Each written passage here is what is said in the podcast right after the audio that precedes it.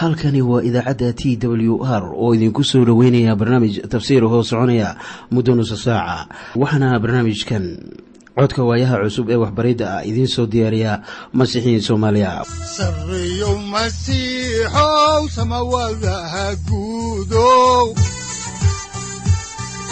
Siraadkii adduunkow subanaha eebow sareyow masiixow samawadaha guudow siraadkii adduunkow subanaha eebow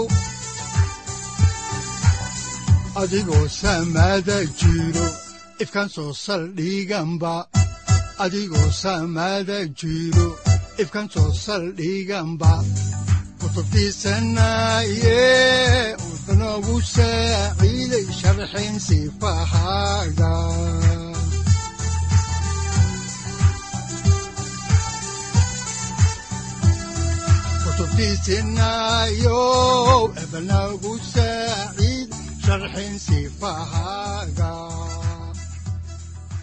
ku soo dhowaada dhegaystayaal barnaamijkeenna dhammaantiinba waxaan horay u ambaqaadi doonnaa daraasaadkii la magac baxay baibalka dhammaantii waxaannu caawa idiin bilaabi doonnaa cutubka toddoba iyo tobanaad ee injiilka sida yooxanaa uu u qoray ah oo mawduucyadiisuna ay ka kooban yihiin baryada rabbiga ciise oo nafsaddiisa ilaah u baryaya ciise oo xerta u tukanaya iyo ciise oo kiniisadda u tukanaya.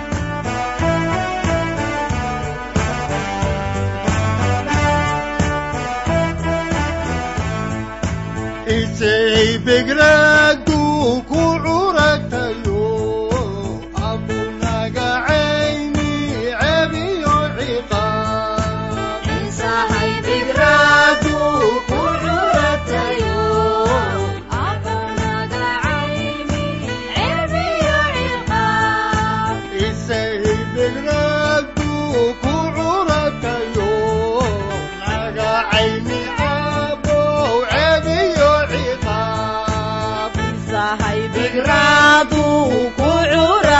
cilmigiisa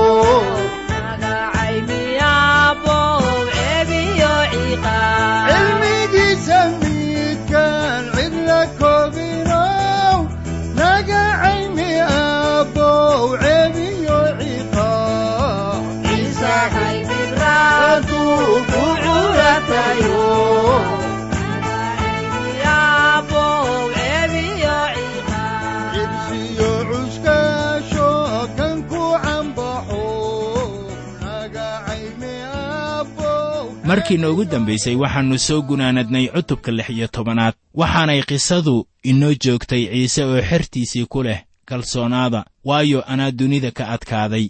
Waxaan kaloo soo aragnay in xertu ay aad uga welweleen markii ciise uu ku yidhi waxaa imaanaysa goortii aanan mar dambe masaallo idinkula hadli doonin laakiin aan bayaan idinkaga warrami doono aabbaha. Waxaannu haatan soo gaarnay mid ka mid ah cutubyada xusidda mudan ee kitaabka baibalka. Waxaana cutubkan ku qoran baryada ugu dheer ee kitaabka baibalka. Inkastoo akhrinta baryadan ayaan qaadanaynin in ka badan saddex daqiiqadood waxaan u malaynayaa intaasu ay tahay tusaale wacan oo aynu raacno. Markaan meelaha maxfalka ah ku ducaysanayno waa inayan baryadu ka badnaanin saddex daqiiqadood haddii aadan baryadaada ku soo koobi karin saddex daqiiqadood dabeeto hadallo badan baad ku hadlaysaa.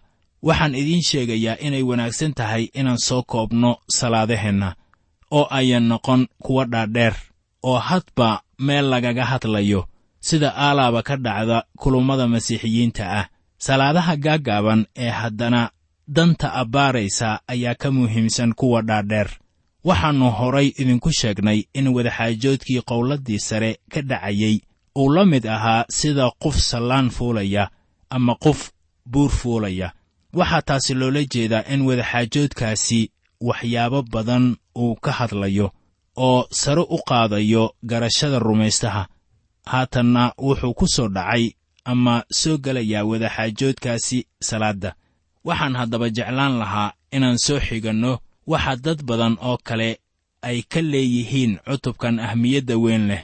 Ninka la yidhaahdo mathew henry ayaa leh baryadan ku qoran cutubka toddoba iyo tobanaad ee injiilka sida yooxanaa uu u qoray ah.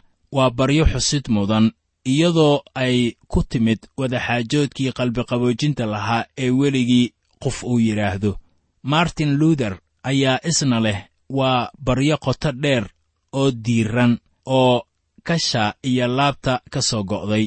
Wuxuu niyaddiisa si hoos ahaaneed ugu furayaa iyadoon meesha laga saarin innaga aadmiga ah iyo aabbaha. Markaasuu wax weliba bannaanka soo dhigaya. Waa baryo daacadnimo lagu weyddiisanayo oo aad u fudud. Welibana waa mid qoto dheer oo macno leh oo baahsan. Ma jiro mid si buuxda u garan kara macaaniga dheer ee ka dambeeya. Filibos malnigton oo ah nin caan ka ahaa isbeddelladii kiniisadaha yurub ayaa isna leh lama arag cod weligii la maqlay hadday ahaan lahayd xagga samada ama xagga dhulka kaasoo ka sarreeya ama ka quduusan ama ka kororsiimo badan ama ka horumarsan baryadii wiilku ilaah oo u hideeyey. John knox ayaa noloshiisa oo dhan akhrisan jiray salaadan. Markii tiisu ay soo gashay ayaa xaaskiisa ay weyddiisay meesha ay kitaabka uga akhriyayso wuxuuna ku yidhi waxaad eegtaa halka aan barroosinka u soo daayey ee ah injiilka sida yooxanaa uu u qoray cutubka toddoba iyo tobanaad. Waxaa kaloo jira kuwo badan oo akhrinayay cutubkan sannado fara badan. Ditor fisher oo ahaa nin wadaad ah oo reer rochester ah wakhtigii henrigii saddexaad. Waxaana wadaadkani uu akhristay ka hor intaannu shahiidnimo u dhiman cutubka toddoba iyo tobanaad. Haddaba cutubkan toddoba iyo tobanaad waa qayb muhiim ah oo ka mid ah qorniinka. Waxaad mooddaa inaan ku liito inaan si guud kaga warramo cutubkan toddoba iyo tobanaad. Waa salaad uu qabanayo wadaad oo dhexdhexaadiyuhu uu inoo hadlayo waana mid inoo muujinaysaa sidaan u malaynayo xidhiirka joogtada ah ee ka dhexeeya aabbahayaga samada iyo sayid ciise masiix. Noloshiisa oo dhan waxay ahayd mid salaadeed. Wuxuu howshiisa ku bilaabay markii uu yimid meel cidla ah oo uu ilaah baryey sida badan wuxuu tegi jiray meelo buuro ah oo uu ku tukan jiray wuxuuna wakhti badan u huri jiray salaad. Ciise masiix ayaa dhexdhexaadiyaheenna weyn ah. Wuxuu u tukanayaa aniga iyo adigaba. Haddii aad ilowday inaad saakay tukato isaga weligii ma iloobin oo welibana ilaah buu ku baryey subaxan saakay ah. Ilaah wuxuu mar waliba maqlaa baryotanka ciise oo wuxuu kaga jawaabaa sida uu isagu u weyddiisto ilaah baa ka jawaaba salaadayda xitaa. Laakiin ugama jawaabo had iyo goorba sida aan u weyddiisto mararka qaarna baryadayda ma aqbalo amase wixii aan weyddiisto hab kale oo ka duwan sida aan u weyddiistay ayuu uga jawaabaa. Ama wakhtiga ku habboon ayuu ii yeelaa.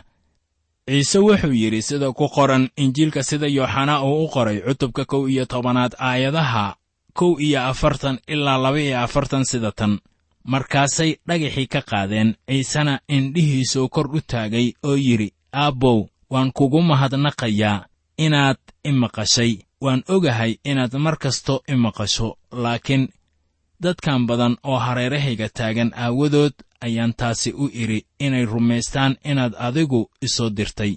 Haatan waxaannu eegaynaa maaddada ku saabsan baryada sayidka. Markanna ciise isagaa isku tukanaya waxaan doonayaa inaad ogaato inaanay taasu ahayn wax dhaafsiisan xeerka ama wax la odhan karo waa nafjeclaysi in qof keligiis uu tukado. Waxaan rumaysanahay markii aniga iyo adiguba aynu ilaah salaad la hor nimaadno inaan u baahannahay inaan niyadaheenna iyo nolosheennaba ilaah hor dhigno waxaan u baahannahay inaan ilaah la xidhiirno intaynaan cid kale ilaah u baryin marka hore waa inaan innagu ilaah barinnaa taasina ma aha nafjeclaysi waxaase la odhan karaa waa muhiim in sidaas la yeelo. Haddaan horay idinku sii wadno injiilka sida yooxanaa uu u qoray cutubka toddoba iyo tobanaad aayadda koowaad ayaa waxaa qoran sida tan. Waxyaalahaas ciise ayaa ku hadlay markaasuu indhihiisa kor u qaaday xagga samada oo uu yidhi aabbow saacaddii way timid. Ammaan wiilkaaga inuu wiilku ku ammaano hadalladaasu waxay ka hadlayaan ciise markaasoo uu cutubyadii aannu ka soo gudubnay wixii ku qornaa uu kula hadlay xerta. Waa cutubyada saddex iyo toban iyo lix iyo toban. Iminka wuxuu joojinayaa inuu la hadlo xerta wuxuuna la hadlayaa aabbaha. Inkastoo uu aabbaha kula hadlayo cutubkan wuxuu ula hadlayaa aabbaha wanaaggooda aawgii iyo weliba wanaaggeenna aawgii ciise masiix waxa weeye dhexdhexaadiyaheenna weyn. Waxaan la yaabi karaynaa waxa uu ilaah u baryey waa hagaag wixii uu ilaah u baryey ayaa sidan lagu macnayn karaa. Baryadii ku qornayd khudbadii buurta ayaan ahayn sidii xaqiiqada ah baryada rabbiga. Markii ciise uu ku bilaabay aabbahayaga ayuu ula jeedaa ama u hadlayaa rumaystayaasha oo dhan haddaba ciise wuxuu ilaah ugu yeedhaa aabbe taasoo macno gaar ah leh. Kadib markii uu dhimashada ka soo saro kacay wuxuu maryan ku yidhi sida ku qoran injiilka sida yooxanaa uu u qoray cutubka labaatanaad aayadda toddoba iyo tobanaad sida tan. Ciise ayaa ku yidhi ha i taaban waayo weli kor uguma aan tegin aabbaha laakiin u tag walaalahay oo ku dheh. Wuxuu yidhi waxaan kor ugu tegayaa aabbaha oo ah aabbihiin ilaahay oo ah ilaahiin wuxuu leeyahay weli kor uguma aan kicin aabbihiin. Waa markaad mar kale ka dhalataan ruuxa eh iyo aabbahay.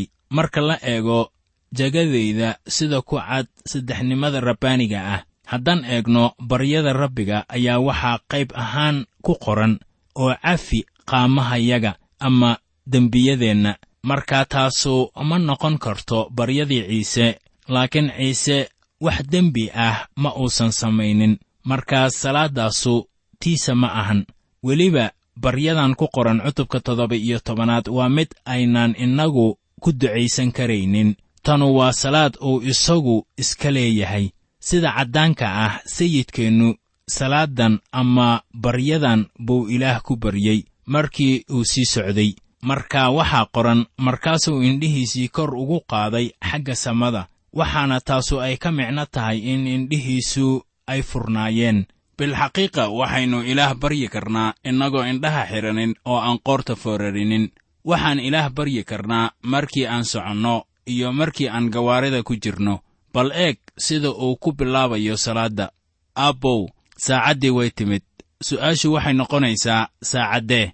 Waa saacaddii gadaal loo dhigay ee laga shisho mariyey wakhtiga daa'imiska ah waayo isagu waxa weeye baraarkii ilaah oo la bixiyey ka hor intaan la dhigin aasaaskii dunida. Waxaa la diyaargareeyey wakhtigaasi hore iminkana saacaddii way timid. Waxaad xusuusataa markii uu bilaabayey howshiisa wacdiska ee uu joogay arooskii kaana. Haatan waxaa yimid saacaddiisii markaasoo uunka ilaah oo dhan ay arki doonaan jacaylka ilaah oo muuqda oo si deeqsinimo leh loo bixinayo markaasoo uu dembiyadaada iyo kuwaygaba uu qaadi doono uu u dhiman doono si uu u galo beddelkeenna oo uu inooga furto dembiga aniga iyo adiguba. Halkaas kuma idlaan qisada laakiin wuxuu horay ugu sii socdaa sara kicidda wuxuu leeyahay saacaddii way timid ammaan wiilkaaga inuu wiilka ku ammaano markaan eegno dhimashadii masiixa ayaa taasu ay tilmaamaysaa in ilaah aannu ahayn sida ay dadka qaarkii u arkaan marka ay eegaan axdiga hore. Laakiin isagu waa sida aabbe carruurtiisa jecel kaasoo intuu dunida jeceyl u qabaysiiyey wiilkiisa keliya ee dhashay. Dabeetana wiilka waxaa laga sara kicinayaa dhimashada oo wuxuu gelayaa samada wuxuuna lahaanayaa magac ka sarreeya magac waliba. Si markaasi magaca ciise jilib waliba uu ugu sujuudo. Wuxuu leeyahay iminka ammaan wiilkaaga inuu wiilku ku ammaano. Bal waxaad ka fekertaa macnaha buuxa ee halkaasi yaalla. Haddaan horay idinku sii wadno injiilka sida yooxanaa uu u qoray cutubka toddoba iyo tobanaad ayaannu eegaynaa aayadda labaad. Waxaa qoran sida tan sidaad amar ugu siisay dadka oo dhan inuu nolosha weligeed ah siiyo kuwaad isaga siisay oo dhan. Haddaba waa warbixin cajiib ah. Wuxuu leeyahay awood ka sarraysay jidhka oo dhan. Wuxuu carshigan iyo shakhsi waliba ka dhigi karaa inay u sujuudaan. Waxaa kaloo aniga uu iga yeeli karaa inaan qasab ku soo raaco. Haddaba in kastoo taasi ay tahay wax aannu degdeg ku samaynaynin wuxuu haddana leeyahay awood ka sarraysa dadka oo dhan wuxuu markaasi siinayaa nolosha daa'imka ah. Waa marka la leeyahay kuwaad isaga siisay. Tanuna waxay keenaysaa su'aalo ku saabsan doorashada iyo ikhtiyaarka. Mase doonayo inaan taasi ku sii dheeraado. Waxaa jira arrimo lagu kala fog yahay markaan eegayo aayaddan. Waa marka uu leeyahay ciise kuwa aad i siisay. Ma waxaa loola jeedaa kuwa horay loo doortay mise kuwa ikhtiyaarkooda ugu yimid haddii ilaah uu ii muujin lahaa kuwa la doortay waxaan wacdiyi lahaa iyaga un. Laakiin ilaah sidaas ma uusan samaynin. Wuxuuse yidhi mid kasta oo ii yimaada gadaal u celin maayo. Waxaanad mooddaa intaasu ay ka hadlayso qof waliba. Waxaan kuu sheegayaa inaadan helaynin cudurdaar haddaanad u imaanin isaga. Waxaan xaqiiqo u hayaa inay tahay xukunkaaga kan aad ku diidayso waxa ilaah uu kuu sameeyo. Laakiin ma ahan in horay lagugu doortay iyo inaan laguu dooran. Haddaan horay idinku sii wadno injiilka sida yooxanaa uu u qoray aayadda saddexaad cutubka toddoba iyo tobanaad ayaa waxaa qoran sida tan. Tan waa nolosha weligeed ah inay ku gartaan adoo ah ilaaha runta ah oo keliya iyo inay gartaan ciise masiix kii aad soo dirtay miyaa doorashadan la sheegay ay dadka qaar ka xidhaysaa inay masiixi noqdaan? Ilama ahan. Nolosha daa'imka ah waxay ka dhigan tahay in la ogaado ilaaha dhabta ah iyo ciise masiix oo ah kii uu soo diray. Miyaa haddaba leedahay jacayl aad ku doonayso inaad ku garato ilaaha baaqiga ah iyo ciise masiix markaana haddii aad leedahay jacaylkan dabeeto lagaama xidhin dariiqii ilaah oo waxaad ka mid tahay kuwa la doortay. Wuxuu nolosha daa'imka ah siiyaa kuwa maqla baaqiisa oo xagga niyadda kaga jawaaba kuwaasuna waxay masiixa ugu yimaadaan ikhtiyaarkooda si ay ilaah u ogaadaan. Ma ahan inta aqoontoodu ay tahay waxa ahmiyadda leh waxaase weeye nuuca aqoontaasi aad ku gaarayso masiixa tan ahmiyadda leh. Waa kan ay tahay inaad garato waxa la doonayo su'aashuna waxa weeye ama waxay noqonaysaa miyaad garanaysaa ciise masiix. Waxa ahmiyadda leh ayaan noqonaynin inta rumaysadkaagu uu yahay laakiin waxa weeye kan aad rumaysan tahay waxa ahmiyadda leh waxa muhiimaddu ay noqonaysaa masiixa badbaadiyaha ah. Qofka wuxuu rumaysan karaa waxyaabo qaldan markaana waxa rumaysadkaagu uu yahay ayaa muhiim ah. Waxaa markaasi ciise uu leeyahay tanu waa nolosha weligeed ah inay ku gartaan adoo ah ilaaha runta ah oo keliya iyo inay gartaan ciise masiix kii aad soo dirtay. Taasu waxay adkaynaysaa in rumaysadku uu ku yimaado maqalka waa maqalka hadallada ilaah. Maxaa haddaba qoolka ilaah ay leeyihiin? Injiilku waxa weeye in ciise uu u dhintay dembiyadeenna oo la aasay oo uu sare kacay. Kuwaasuna waa xaqiiqada dhabta ah. Garashadeenna xaqiiqadaasi ku aadan iyo jawaabta aqoonta ayaa noqonaysa rumaysadka. Rumaysadku waxa weeye in lagu kalsoonaado in masiixu uu yahay badbaadiyaheenna nolosha daa'imka ah waa in ilaah la aqoonsado oo welibana la ogaado ciise masiix. Ciise waa magaciisa u taagan badbaadiyaha. Masiixuna waa jegadiisa waana inuu yahay boqorka israa'iil. In la ogaado waxay ka micno tahay in nimco lagu koro iyo aqoonta masiixa. Markii aynu ku fogaanno aqoonta sayid ciise masiix ayaannu soo gaaraynaa meel wax waliba ay inoo kala caddaanayaan. Qof kasta ee aan hubaasha nabaaddiinnadiisa haysanin waa mid aan weli badbaadin amase aan masiixinimada ku korin. Waxay u baahan yihiin hore inay ugu sii socdaan hadalka si ay ku gaaraan garashada ah in ay badbaadeen. Nolosha weligeed ah waa in la ogaado ilaaha keliya ee dhabta ah iyo sayid ciise masiix. Taasina waa sababta barashada hadallada ilaah ay muhiim u yihiin dad badan ayaa weli waxay joogaan meelo gudcur ah. Weligoodna garan maayaan inay badbaadeen haddaan horay ugu sii soconno injiilka yooxanaa ayaannu eegaynaa aayadda afaraad ee cutubka toddoba iyo tobanaad waxaana qoran sida tan dhulka ayaan kugu ammaanay anoo dhammeeyey shuqulkaad ii dhiibtay inaan sameeyo. Sayid ciise masiix wuxuu warbixintiisii u dambaysay siinayaa aabbaha weli lama saarin iskutallaabta laakiin ilaah wuxuu arkayaa in iskutallaabta la saarayo oo taasu isaga way u xaqiiqsan tahay. Waxyaabaha mustaqbalka dhacaya wuxuu u arkayaa sida waxyaabo horay u dhacay oo kale. Sayid ciise masiix haatan wuxuu ku sii socdaa inuu iskutallaabta ku dhinto. Dabeetana waa la sara kicinayaa iskutallaabta marka la saaro ayuu odhan doonaa sidaan aragnayba way dhammaatay way dhammaatay waxaana taasi loola jeedaa in furashadeennii la soo dhammeeyey. Wuxuu noo sameeyey wax kasta ee aynu u baahneen. Intaas ayaannu taasi ugu haraynaa. Wax aynu ku dari karno ma jiraan. Hawshii uu inoo sameeyey injiilka badbaadada ayaan ahayn wax adiga lagu weyddiisanayo inaad samayso. Laakiin ilaah wuxuu kuu sheegayaa inaad wixii uu horay kugu sameeyey aqbasho laakiin waa sida aad uga jawaabto tan aad ku badbaadayso. Haddaan horay idinku sii wadno ayaa waxaa ku qoran injiilka sida yooxanaa uu u qoray cutubka toddoba iyo tobanaad aayadda shanaad sida tan. Haddana aabbow adiga qudhaadu igu ammaan ammaantaan kula lahaa intaan dunida jirin.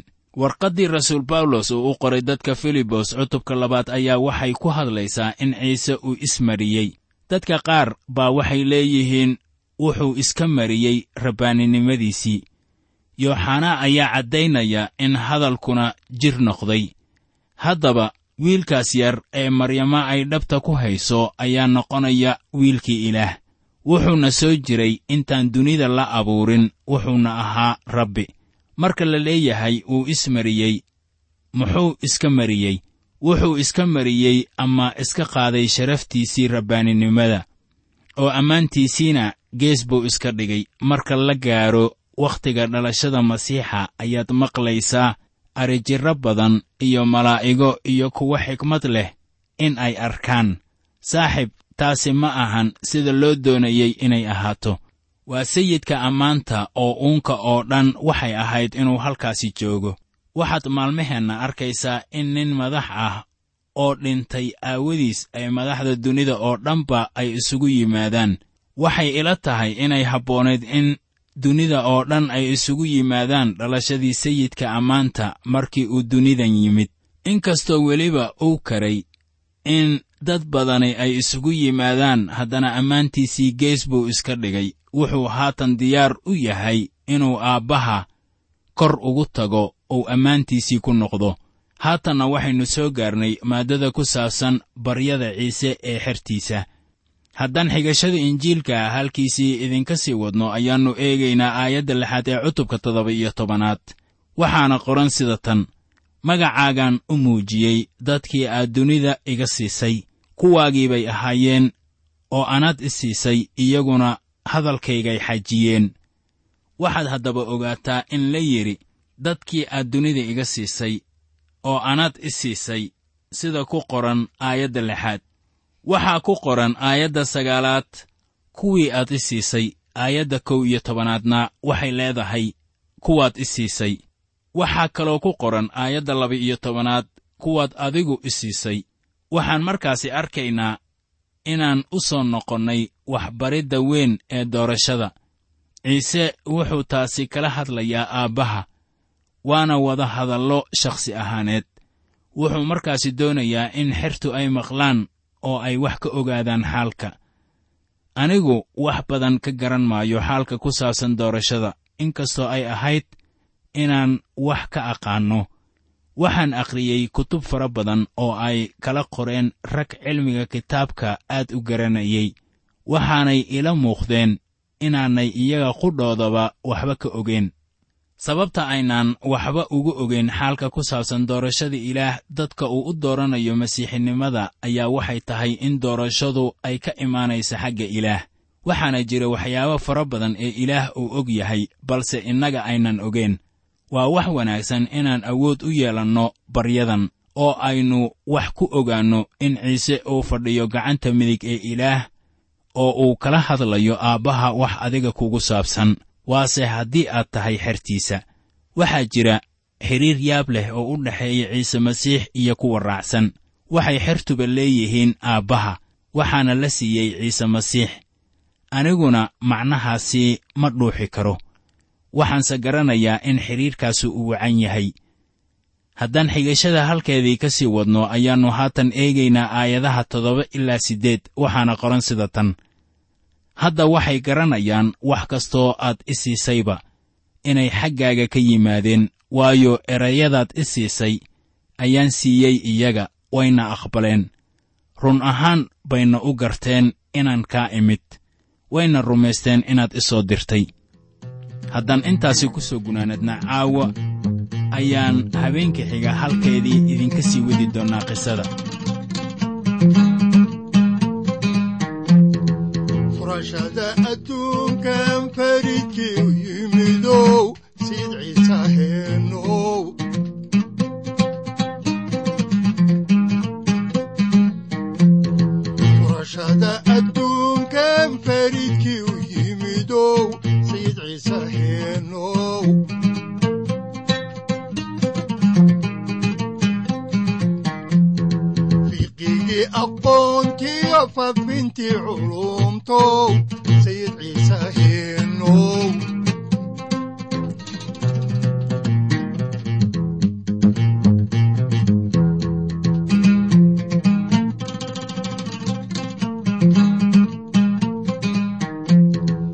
furashada adduunkan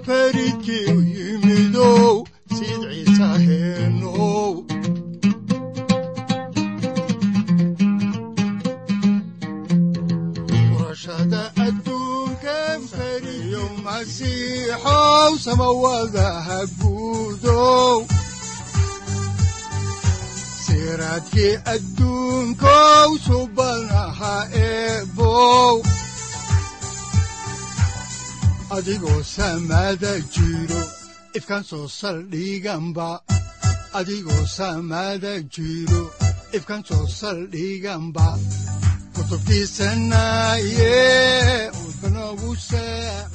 halkani waa t w r idaacadda t w r oo idinku leh ilaa ha idin barakeeyo oo ha idinku anfaco wixii aad caawi ka maqasheen barnaamijka. Waxaa barnaamijkan oo kalea aad ka maqli doontaan habeen dambe hadahan oo kale haddiise aad doonaysaan in aad fikirkiina ka dhiibataan wixii aad caawi maqasheen ayaad nagala soo xiriiri kartaan som t w r at t w r c o k e haddii aad doonaysaan in aad dejiisataan oo kaydsataan barnaamijka ama aad mar kale dhegaysataan fadlan mar kale booqo www t w r o r g amase www t t b t w r o r g.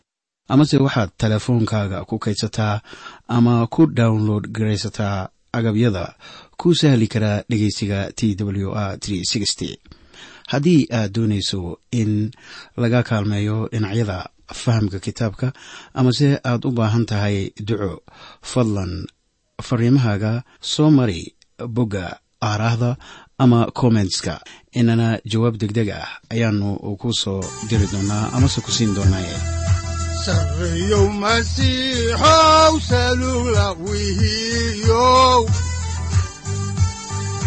saacadda timid dhulka sabada ku dhalatiyo